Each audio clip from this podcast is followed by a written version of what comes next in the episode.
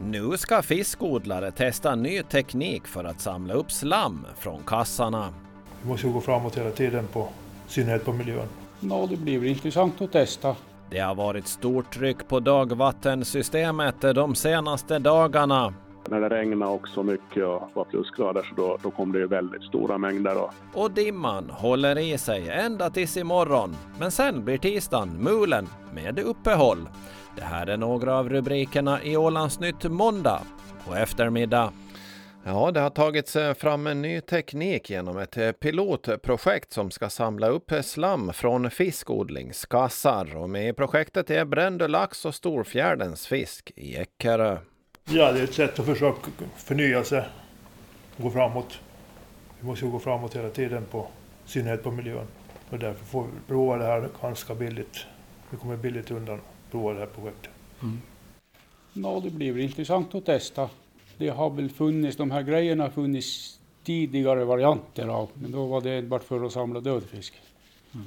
Nu är det väl en, en ny variant på samma med tanke att samla slam. Men det ska bli intressant att testa och se om det klarar så att säga våra förhållanden. Fiskodlarna Sixten Sjöblom och Carl-Johan Henriksson där alltså. Projektet kräver speciella odlingskassar och man kommer inte att kunna använda de modeller som testas i Norge då förhållandena skiljer sig så pass mycket från hur det ser ut här. Rosita Broström är verksamhetsledare för Ålands fiskodlarförening. Vi har mycket grundare vatten än så så att eh, vi kommer att måste specialbygga en lite plattare variant då, motsvarande en som man har testat i, i en svensk sjö. Och, och, det är den som ska användas då i turordning i Brändö och Ekerö? Ja, så är det tänkt. Ja. Så är det tänkt, ja. Det finns en hake här att det, det är finansiering eh, också eh, kring den här biten. EU har ett forskningsprogram, Horizon Europe, som kan bevilja medel för det här. Men det är inte klart ännu vad jag förstår. Vad händer om de inte gör det? Faller det här? Vi har diskuterat det här med eh, de som koordinerar projektet. Och intresset är så pass stort eh, bland då tillverkarna av den här tekniken men också bland samarbetspartnerna och eh, fiskodlingsbranschen. Så att vi kommer inte att ge upp om vi inte får de här pengarna utan då kommer vi att söka andra vägar. Och det sa Rosita Broström, verksamhetsledare för Ålands fiskodlarförening. Reportrar Hasse Persson Bru och Axel Eriksson. En hänvisning till justitiekanslern blev resultatet av de skrivelser som Ålands producentförbund och Ålands trädgårdshall lämnade in till landskapsregeringen angående det mjölkproduktionsbidrag som landskapsregeringen tilldelat ÅCA på 250 000 euro för att ta över ägandet av en av leverantörerna till mejeriet. Det man istället skulle vilja var att landskapet borde ha ett helhetsperspektiv vad gäller lantbruket och dess stöd. Landskapsregeringen har nu svarat skrivelsen med att påpeka mjölknäringens betydelse för arbetsplatser inom den åländska livsmedelsindustrin. De menar att de stöder livsmedelsindustrin och dess producenter genom investeringsstöd och har vid speciella situationer hjälpt till för att lindra kriser. OPF önskade i sin skrivelse att en intern revision skulle göras och landskapsregeringen hänvisar till justitiekanslern som övervakar att myndigheter följer lagen och fullgör sina skyldigheter. Under de senaste dagarna har dagvattensystemet i Mariehamn varit under stort tryck när det både har regnat och varit plusgrader, vilket har gjort att snön har smält i snabb takt. Vi hör stans samhällstekniska chef Dan Engblom. Jo, det är absolut så. När, när snön smälter och, och vi har tjäle i marken så då, då tar ju inte marken upp vattnet naturligt så att säga. Så då blir det ju att belasta våra dagvattensystem. Och de, de får jobba för fullt har det varit mycket att, att, att göra vad gäller just vattenflöden nu? Ja, vi hade ju lite kämpigt här, här förra veckan när det, när det regnade också mycket och var plusgrader så då, då kom det ju väldigt stora mängder. Och, och det är ju så tyvärr då att dagvattenbrunnar blir ju under is och sånt här så alla brunnar är ju inte i bruk så då, då får vi springa runt och försöka gräva fram dem helt enkelt och, och, få bort vattnet. Ja, men vad, vad är det exakt som brukar orsaka översvämning om, om man tänker då i en mer planerad miljö så som städer? Det är ju vattnet förstås sig självt, men vad, vad till är det som bidrar här?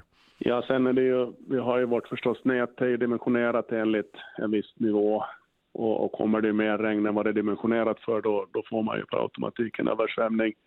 En annan aspekt är om det är skit i brunnarna. Vi, vi rensar våra brunnar kontinuerligt. Men ibland kan det ju vara, vara vissa brunnar som vi inte har tittat till på länge som det har samlats bråte i och, och så vidare. Mm. Ja precis, vad, vad, gör ni för att förhindra att det blir översvämningar? Eh, vi sätter ju, eh, i mån av möjlighet så har vi ju alla trumändor har, sätter vi galler för så att det ska ta bort de värsta, värsta sakerna, att det inte kommer in så stora saker helt enkelt i, i rörsystemen. Och det sa Dan Engblom, samhällsteknisk chef i Mariehamn. Reporter Rasmus Karlsson. Finlands barnombudsman Lena Pekkarinen och två av hennes medarbetare besöker Åland imorgon tisdag och på onsdag och det är på inbjudan av Ålands ombudsmannamyndighet. Besöksprogrammet inkluderar bland annat ett runda bordssamtal med inbjudna tjänstemän och sakkunniga på temat risker för barns rättigheter i tid av ökad ekonomisk, ekonomisk oro och knapphet. Och på onsdag klockan 18 ordnas ett seminarium på Stadsbiblioteket på samma tema och det är öppet för allmänheten. Barnombudsman Elina Pekkarinen kommer även att träffa vice lantrådet Annika Hambrud och tjänstemän för, vid landskapsregeringen för utbyte kring arbetet med att ta fram en strategi för barn och unga på Åland. Önningeby hembygdsförening har beviljats bygglov för en eh, 100 kvadratmeter stor utbyggnad av Önningeby museet. Tanken var att den här utbyggnaden skulle vara klar 2022 men på grund av pandemin och sedan kriget i Ukraina har den skjutits upp, säger Kjell Ekström.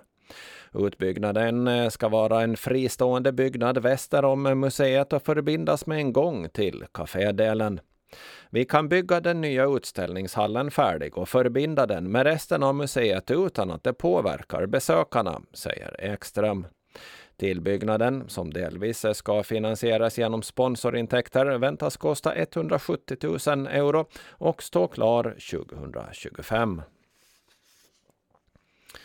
Löpning. Emil Söderlund kom på en total tolfte plats i 24 timmars ultralöpning i Esbo som arrangerades i helgen. Tävlingen gick av stapeln i E-sport Arena i Esbo på en bana som är drygt 390 meter lång och det handlar alltså om att springa så långt som möjligt på ett dygn. Emil Söderlund sprang 481 varv, vilket betyder 187,6 kilometer. Vann gjorde Elvis Mennix från Lettland med hela 627 varv, alltså 244,5 kilometer. I klassen M45 kom Emil Söderlund på andra plats efter slovaken Attila Biro som klarade av att springa 228,6 kilometer. Totalt var det 91 löpare som stod på startlinjen klockan 12.00 på lördagen och gick alltså i mål ett dygn senare. Och så har vi kommit fram till vädret. Ja, dimman den håller i sig ända under natten till tisdag, men sen under tisdagsmorgonen, ja då lättar dimman. Och det betyder att resten av tisdagen så blir det mulet väder med uppehåll. Temperaturen sjunker till noll grader nu under kvällen och natten men sen imorgon på dagen så stiger det till ett par plusgrader. Och vinden den är mestadels svag. Sjövädret så har vi vindar av varierande riktning 2 till 6 meter per sekund. Lokalt är det även dis eller dimma samt regn till sjöss. Och det här var Ålandsnytt. I studion Ove Sjöblom.